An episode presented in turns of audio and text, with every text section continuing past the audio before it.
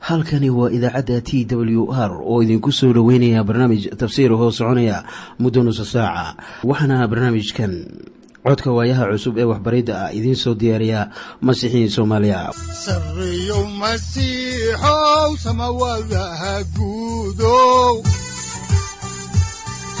Siraadkii adduunkow subanaha eebow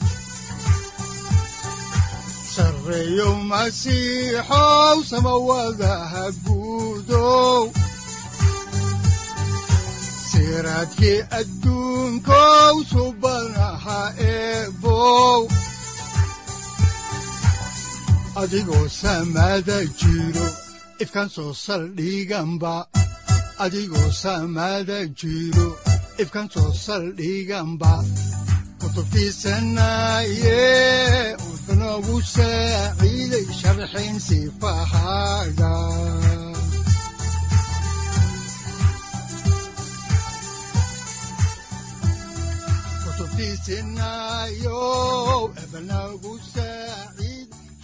ku soo dhowaada dhegaystayaal barnaamijkeenna dhammaantiinba waxaannu dhexda kaga jirnaa taxanaheennii ahaa dhexmarka kitaabka quduuska ah. Waxaannu caawa idiinsii wadi doonnaa cutubka shan iyo tobanaad ee kitaabka saddexaad ee muuse oo loo yaqaanno laawiyiinta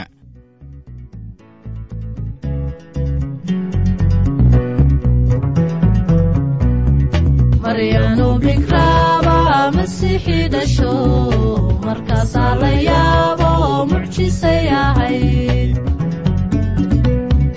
iyadoo rag moogbay malaa'ig salaanto markaasay urowdo mucjisay ahayd maryaanu bikraaba masiixii dhasho markaasaa la yaabo mucjisay ahayd markuu yuusuf arku ka madluumayo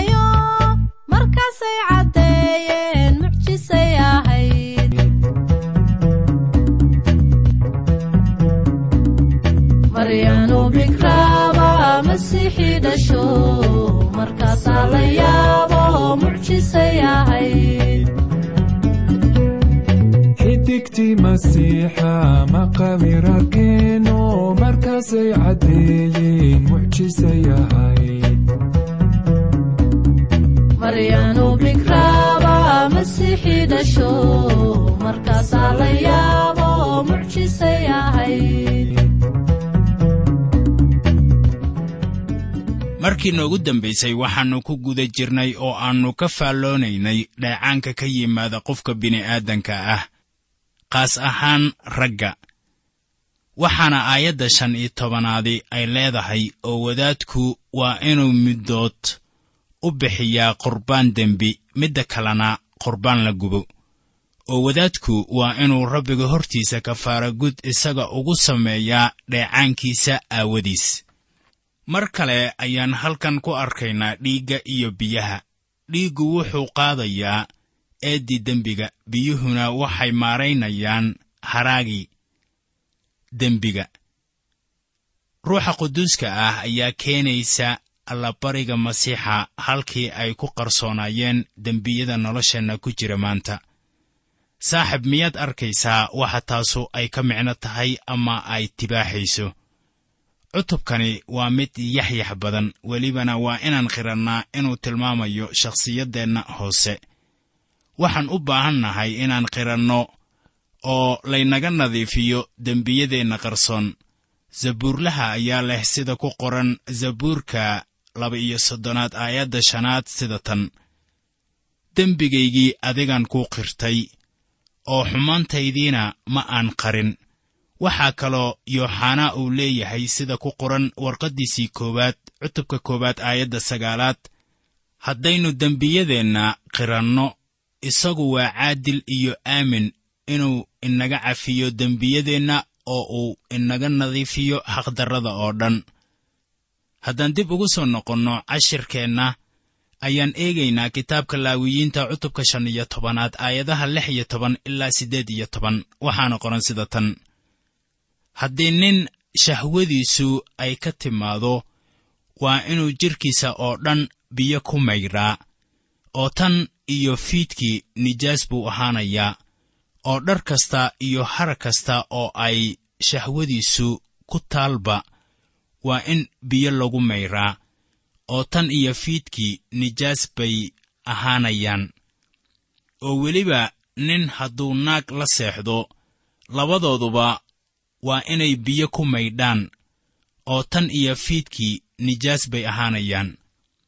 Haddaba waa caddaan in dhacaanka laga hadlayo uu yahay kan jabtada.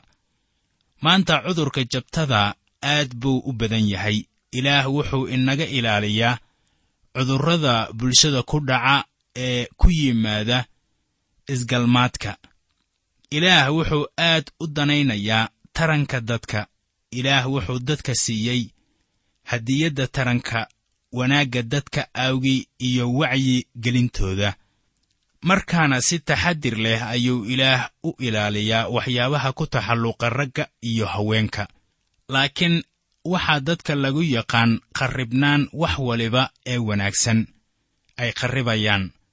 Sayidkeenna ayaa ina baraya in damaca iyo fikirka malooyinka sharka leh laga dheeraado waayo waa dembi. Bal aynu yara xiganno injiilka sida matayos uu u qoray cutubka shanaad aayadaha toddoba iyo labaatan ilaa siddeed iyo labaatan waxaana qoran sida tan. Waad maqasheen in la yidhi waa inaanaad sinaysan laakiin waxaan idinku leeyahay nin walba oo qof dumar ah damac u eegaa durba qalbigiisuu kaga sinaystay haddaan halkaasi kaga gudubno xaalkaas ayaannu haatan eegaynaa maaddadan kale ee ah dheecaanka ka yimaada dumarka. Si bal haddaa aynu taa wax uga ogaanno aynu eegno kitaabka laawiyiinta cutubka shan iyo tobanaad aayadaha sagaal iyo toban ilaa afar iyo labaatan waxaana qoran sida tan. Oo haddii dheecaan naag ka daadanayo oo dheecaanka jidhkeeda ku yaal uu xayl yahay iyadu waa inay intii toddoba maalmood ah nijaasteeda ku sii jirtaa oo intay nijaasaysan tahay wax alla wixii ay ku jiifsataba waa nijaasoobayaan oo wax alla wixii ay ku fadhiisataba way nijaasoobayaan oo ku alla kii sariirteeda taabtana waa inuu dharkiisa maydhaa oo isna biyo ku maydhaa oo tan iyo fiidkii nijaas buu ahaanayaa oo wax alla wixii ay ku fadhiisato kii taabtaana waa inuu dharkiisa maydhaa oo isna biyo ku maydhaa oo tan iyo fiidkii nijaas buu ahaanayaa oo sariirteeda ama waxay ku fadhiisato haddii xayl ku yaal markuu taabto tan iyo fiidkii nijaas buu ahaanayaa oo nin hadduu iyada la jiifto oo xaylkeedu taabto. Intii toddoba maalmood ah nijaas buu ahaanayaa oo sariir alla sariirtii uu ku jiiftaaba way nijaasoobaysaa aayadahan waxay sida abbaarta ah quseeyaan nijaasnimada naagta wakhtiga ay caadada qabto. Waxay ahayd inay ka dheeraato saaxiibadeed iyo kuwii jeclaa wakhtigan ay caadada qabto.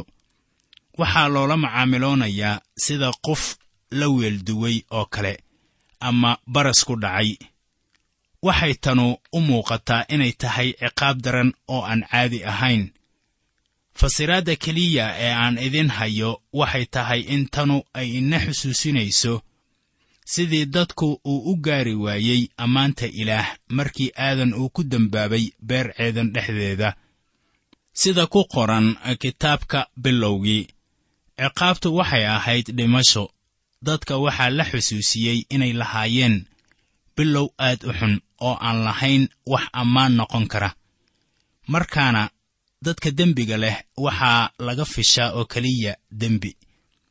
Mar kale ayaan dib ugu noqonaynaa xigashada kitaabka oo waxaannu eegaynaa kitaabka laawiyiinta cutubka shan iyo tobanaad aayadaha shan iyo labaatan ilaa sagaal iyo labaatan waxaana qoran sida tan haddii naag uu ka daato dheecaan dhiiggeeda ah maalmo badan oo aan ahayn wakhtigii xeelkeeda ama hadduu iyada ka daato dheecaan ka badan oo dhaafsiisan wakhtigii xeelkeeda inta iyada dheecaanku ka daadanayo oo ay nijaasaysan tahay oo dhan waa inay ahaataa sidii maalmihii ay xeelka qabtay oo kale.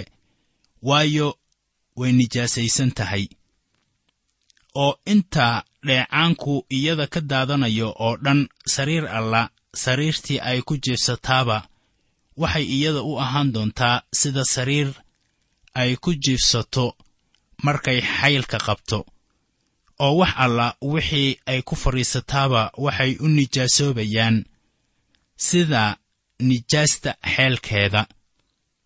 Oo waxyaalahaas ku alla kii taabtaa wuu nijaasoobayaa oo waa inuu dharkiisa maydhaa oo isna biyo ku maydhaa oo tan iyo fiidkii nijaas buu ahaanayaa. Laakiinse hadday dheecaankeedii ka daahirsanaato markaas waa inay toddoba maalmood nafsaddeeda u tirsataa oo markaas dabadeedna daahir bay ahaanaysaa oo maalinta siddeedaadna waa inay laba qooley ama laba xamaam oo yaryar qaadataa oo ay wadaadka ugu keentaa iridda teendhada shirka. Haddaba waxaannu halkan kaga hadlaynaa dheecaan aan caadi ahayn. Waxaanay taasu u keenaysaa qofka dumarka ah in la faquuqo oo welibana waxaa layska eegayaa sariirta ay ku jiibsato iyo wax kasta oo ay ku fadhiisato ama taabato waxaa kaloo aayadahaasu ay sharaxayaan qurbaanka ay keenayso markii laga daahiriyo dheecaanka ama xaylka ka daadanaya. Waxay tanu inaga siinaysaa aragti waadix ah naagtii dhiig furanku uu ku dhacay ee u timid sayidkeenna ciise masiix si uu u bogsiiyo. Waxaa taasu ay ku qoran tahay injiilka sida luukos uu u qoray cutubka siddeedaad aayadaha saddex iyo afartan ilaa siddeed iyo afartan sharciga ayaa naagtaasi u diiday inay la kulanto ama soo dhex gasho dadka. Welibana naagtaasu waxay taabatay ciise. Waxaa kaloo sharcigu ka xeray inay soo gasho macbudka iyo inay timaado meelaha ilaah lagu caabudo. Nimcada sayidkeenna ciise masiix ayaa ka bogsiiyey cudurkeedii. Welibana sayidku wuxuu ku ammaanay rumaysadkeedii. Haddaba ciise waa isha biyaha ah ee lagu daahiriyo nijaasta niyadaheenna dhex taalla. Haatanna waxaannu soo gaarnay sharciga iyo sida loola macaamiloonayo ama loo daahirinayo haweenka xaylka qaba. Haddaan horay idinku sii ambaqaadno xigashada kitaabka ayaannu haatan eegaynaa laawiyiinta cutubka shan iyo tobanaad aayadaha soddon ilaa saddex iyo soddon waxaana qoran sida tan. Oo wadaadku waa inuu middood u bixiyaa qurbaan dembi oo midda kalena qurbaan la gubo. Oo wadaadku waa inuu iyada kafaaragud ugu sameeyaa rabbiga hortiisa dheecaankii nijaasteeda aawadeed. Oo sidaas waa inaad reer banu israa'iil nijaastooda uga socdaan si ayan nijaastooda ugu dhex dhiman markay nijaaseeyaan taambuuggayga dhexdooda ku yaal.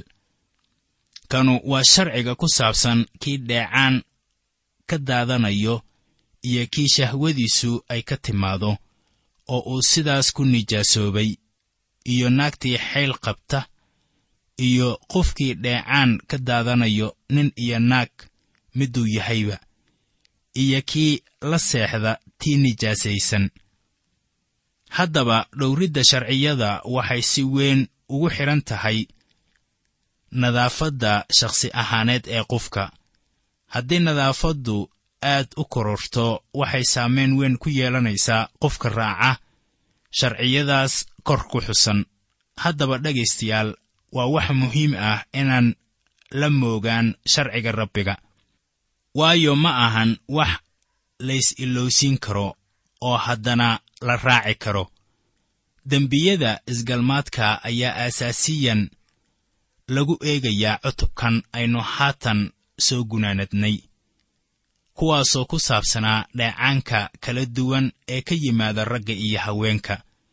Waxaa halkan looga hadlay cudurrada dheeraadka ah ee laga helo isgalmaadka kuwaasoo ay u weyn tahay cudurka jabtada. Markaana dhimasho ayaa ilaah uu ku soo rogayaa kuwa diida inay raacaan sharciga ilaah ee arrinkaasi quseeya. Dembiyada qarsoon ayaan wax sahlan ka ahayn ilaah hortii. Welibana ma hilmaamo dembiyada qarsoon ee rumaystayaasha ama kuwa ilaah raacsan. Waxaa ku qoran warqaddii koowaad ee rasuul bawlos u qoray dadkii korintos cutubka saddexaad aayadaha lix iyo toban iyo toddoba iyo toban sida tan. Miyaanad garanaynin inaad tihiin macbudkii ilaah oo uu ruuxa ilaah idinku jiro. Nin uun hadduu macbudkii ilaah qarribo isaga ilaah baa qarribi doona. Waayo macbudkii ilaah waa quduus kaad idinku tihiin waxaynu leennahay ilaah oo waxaynu nahay macbudka ruuxa quduuska ah. Markaana in si xun loola macaamiloodo macbudkaas waxay noqonaysaa dembi ku gaarsiinaya ilaa iyo heer dhimasho. Waxaa jira dembi ku gaarsiinaya ilaa iyo heer dhimasho. Markaana madihi waa inuu ka tukadaa. Waa suuragal in rumaystuhu uu galo dembi si ilaah uu u geeyo daartii aakhiro. Markaana wax micno ah ma lahan in qofka caynkaas ah loo tukado waayo ilaah ayaaba geynaya daartii aakhiro. Aan ku weyddiiye sidee baad ku ogaanaysaa dembiga caynkaas oo kale ah? Kan uu yahay. Waxaan idinku leeyahay waa inaan xusuusannaa in ilaah si adag uu ula macaamiloodo carruurtiisa marka uu edbinayo marka ay munaasabka tahay welibana waxaa jira dembi ku gaarsiinaya heer dhimasho. Ilaahna carruurtiisa wuu u yeedrayaa haddii ay dembi ku sii socdaan. Addeecis darridu waxay ka imaanaysaa dembiyada qarsoon. Haweenay baa wiilkeeda yar ka waaninaysaa inaannu la dagaalamin wiilka ay deriska yihiin waxay had iyo goorba ku odhanaysaa haddii aydnaan ciyaari karin idinkoo aan dagaalamin guriga soo gal. Wakhti badan bay digniintan ku celcelin kartaa oo mar walibana waxay arkaysaa wiilkeedii oo dagaalamaya. Ugu dambayntii guriga ayay soo gelinaysaa markaasaa wiilkeedii yaraa uu odhanayaa hooyo guriga dooni maayo si kastoo ay tahayse gurigii buu gelayaa wiilku dooni maayo inuu guriga soo galo welibana dooni maayo inuu maqlo digniinta hooyadiis. Waxay ku qasbaysaa inay marka hore guriga soo geliso. Haddaba ilaah waa mid dadka anshixiya mararka qaarna carruurtiisu way sii dembaabaan oo waxay galaan dembi u horseeda dhimasho markaana aabbuhu wuxuu u soo wadaa kuwa anshixiisa ka hor yimaada guriga. Waxaa ishaaciyah uu leeyahay sida ku qoran kitaabkiisa konton iyo sagaalaad. Waa cutubka e aayadda labaad sida tan. Laakiinse xumaatooyinkiinna idinkala soocay idinka iyo ilaahiinna oo dembiyadiinna wejigiisa idinka qariyey oo saasuusan idin maqlin.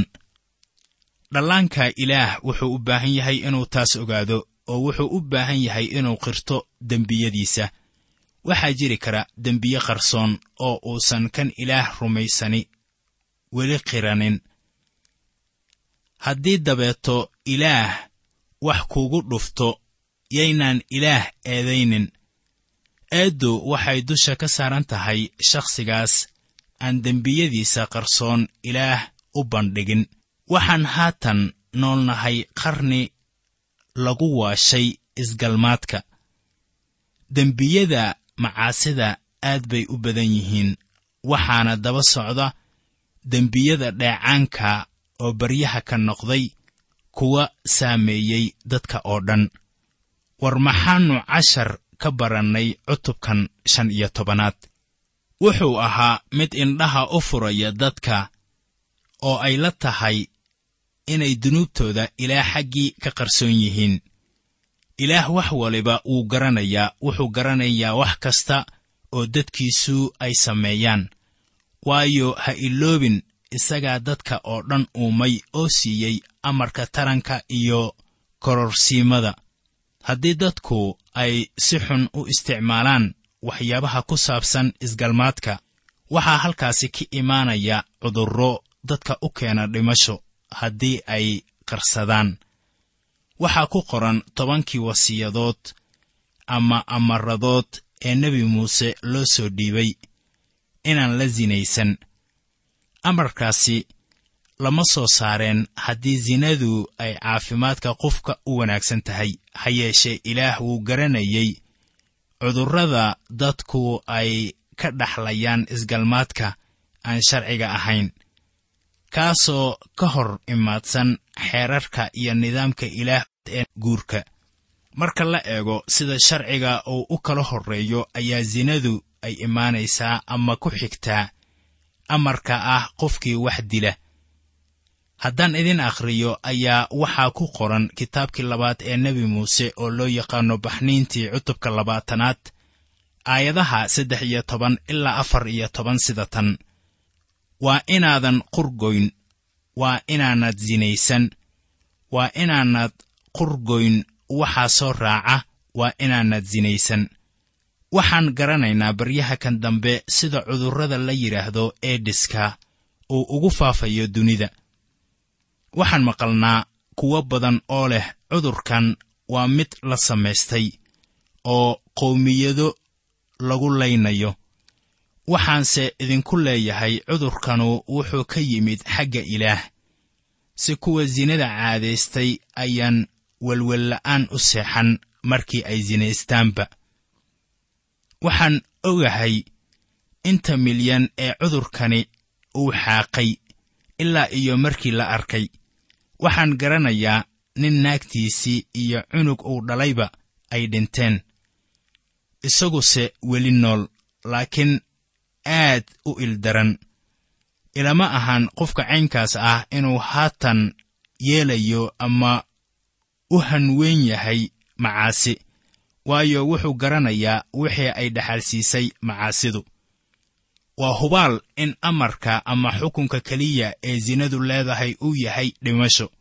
Laakiin markii dadku caadaystay inay ilaah ka tagaan ayaa ilaah meel uu u dhigay balaayo saamaynaysay noloshooda oo dhimasho u taxaabta iyadoo welibana xisaabi ay u dambayso. Dhegayste tanu ma ahan wax bini'aadmi uu samayn karo balse waxaad ogaataa inaadan ciqaab la'aan baxsanaynin haddii aad ku xadgudubto sharciyada ilaah. Haddaba marka aynu nool nahay wakhtigan dhibka badan oo daalka miidhan ah ayaa loo baahan yahay inaan tamar ka doonanno kitaabka eebbe waxaan idinku dhiirigelinayaa ama qalbiqabuujin idinka dhigayaa hadalladaa ku qoran zabuurka lixdan iyo labaad ee uu tiriyey nebi daa'uud oo ahaa addoonkii rabbiga. Aayadaha kow ilaa labo waxaana qoran sida tan. Naftaydu waxay sugtaa ilaah oo keliya oo badbaadadayduna waxay ka timaadaa xaggiisa. Isaga oo qura ayaa dhagaxayga weyn iyo badbaadadaydaba ah. Isagu waa munaaradayda oo aniga aad lay dhaqaajin maayo.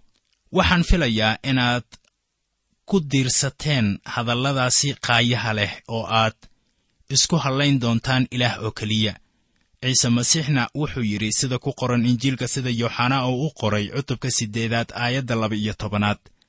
Haddaba ciise ayaa mar kale la hadlay iyaga oo wuxuu ku yidhi anigu waxaan ahay nuurka dunida kii i soo raacaa gudcurka kuma socon doono wuxuuse lahaan doonaa nuurka nolosha.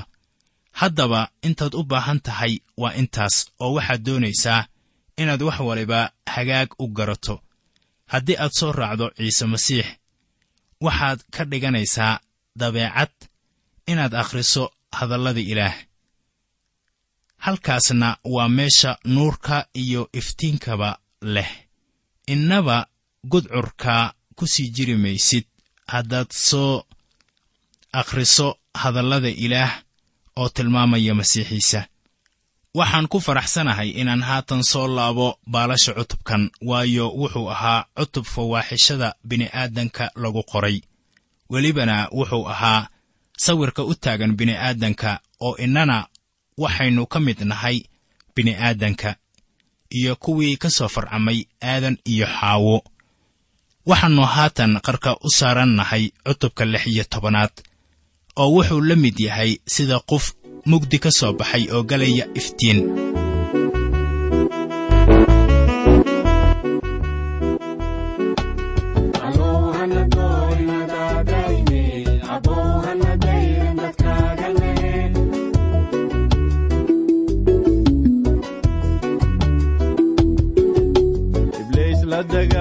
dariiqanehe abow hana dayrin dadkaaganehe qofkii dulmi doono dabnaara galye abow hana dayrin dadkaaga nehe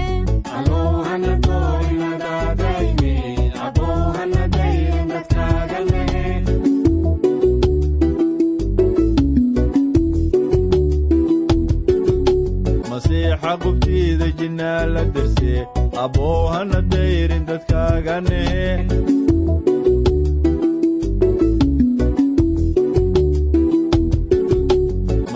masiixa qubtiida jinnaa la derse abow hana dayrin dadkaaga qofkii xaqa diida ibliis dabraye abow hana dayrin dadkaaga nehe.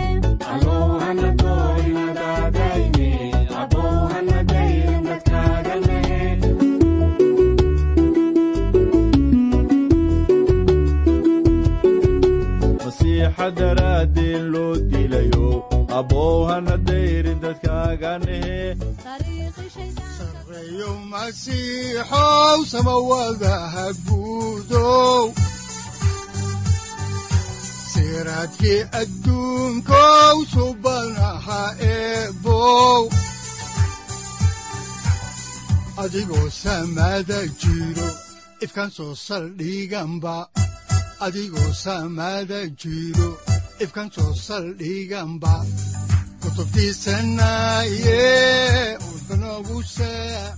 halkani waa t w r idaacadda t w r oo idinku leh ilaa ha idin barakeeyo oo ha idinku anfaco wixii aad caawi ka maqasheen barnaamijka.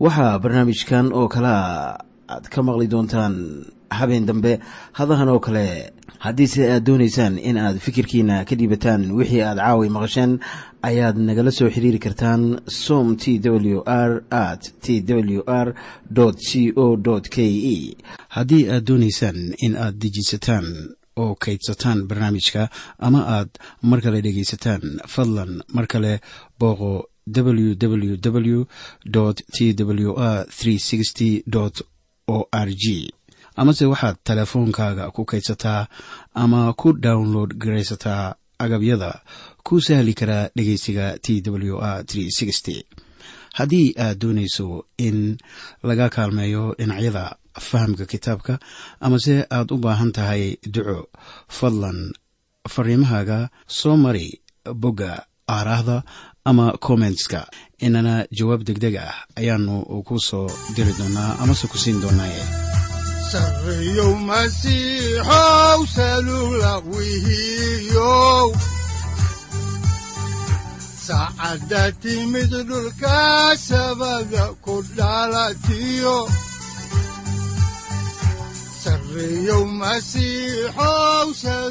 halkani waa t w r oo idiin rajaynaya habeen baraare iyo barwaaqaba leh inta aynu ka gaari doono wakhti aynu ku kulanno barnaamij la mida kan caawayay aad maqasheen. Waxa aan idinku leeyahay nabadda ciise masiix ha idinku badato xagga jidhka iyo ruuxaba. Aamiin